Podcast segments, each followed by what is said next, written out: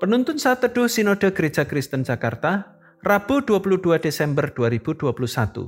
Berani karena benar. Mazmur 35 ayat 17 sampai 28. Sampai berapa lama Tuhan Engkau memandangi saja? Selamatkanlah jiwaku dari perusakan mereka, nyawaku dari singa-singa muda. Aku mau menyanyikan syukur kepadamu dalam jemaah yang besar.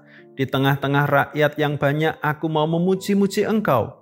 Janganlah sekali-kali bersuka cita atas aku, orang-orang yang memusuhi aku tanpa sebab, atau mengedip-ngedipkan mata orang-orang yang membenci aku tanpa alasan, karena mereka tidak membicarakan damai, dan terhadap orang-orang yang rukun di negeri, mereka merancangkan penipuan.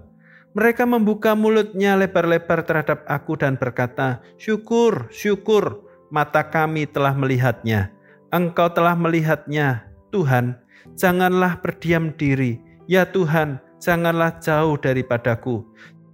Terjagalah dan bangunlah membela hakku, membela perkaraku ya Allahku dan Tuhanku.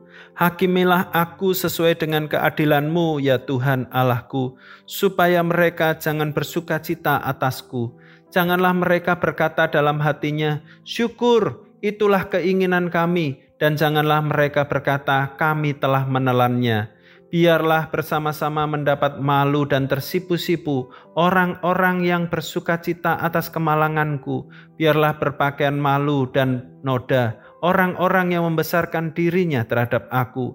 Biarlah bersorak-sorai dan bersuka cita orang-orang yang ingin melihat aku dibenarkan. Biarlah mereka tetap berkata, Tuhan itu besar dia menginginkan keselamatan hambanya, dan lidahku akan menyebut-nyebut keadilanmu, memuji-muji engkau sepanjang hari.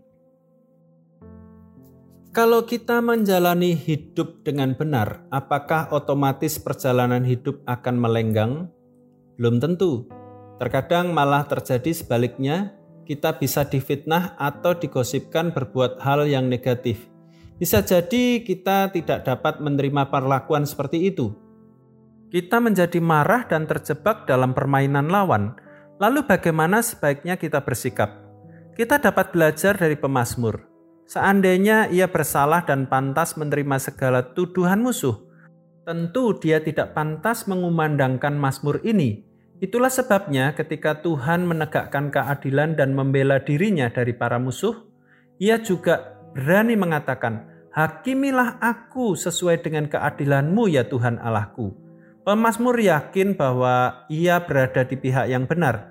Oleh karena itu, ia berani meminta diuji oleh Tuhan.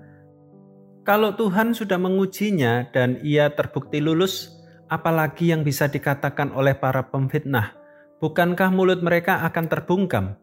Kita tidak perlu khawatir saat mengalami fitnahan atau tuduhan keji Tuhan pasti membela kita kalau kita benar di hadapan Tuhan. Jangan tergesa-gesa membela diri dengan hikmat kita sendiri. Lebih baik berdiam diri dan tetap hidup dalam kebenaran. Kadang Tuhan mengirimkan orang lain yang akan membela kita.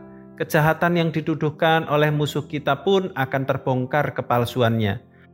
Apabila kita terlalu bersemangat membela diri sendiri, bisa jadi kita akan semakin dicurigai bersalah dan sedang menutupi kesalahan biarkanlah Tuhan yang membela kita. Entah emas, entah loyang, hal itu dapat dibuktikan dengan membakarnya. Tuhan Yesus memberkati.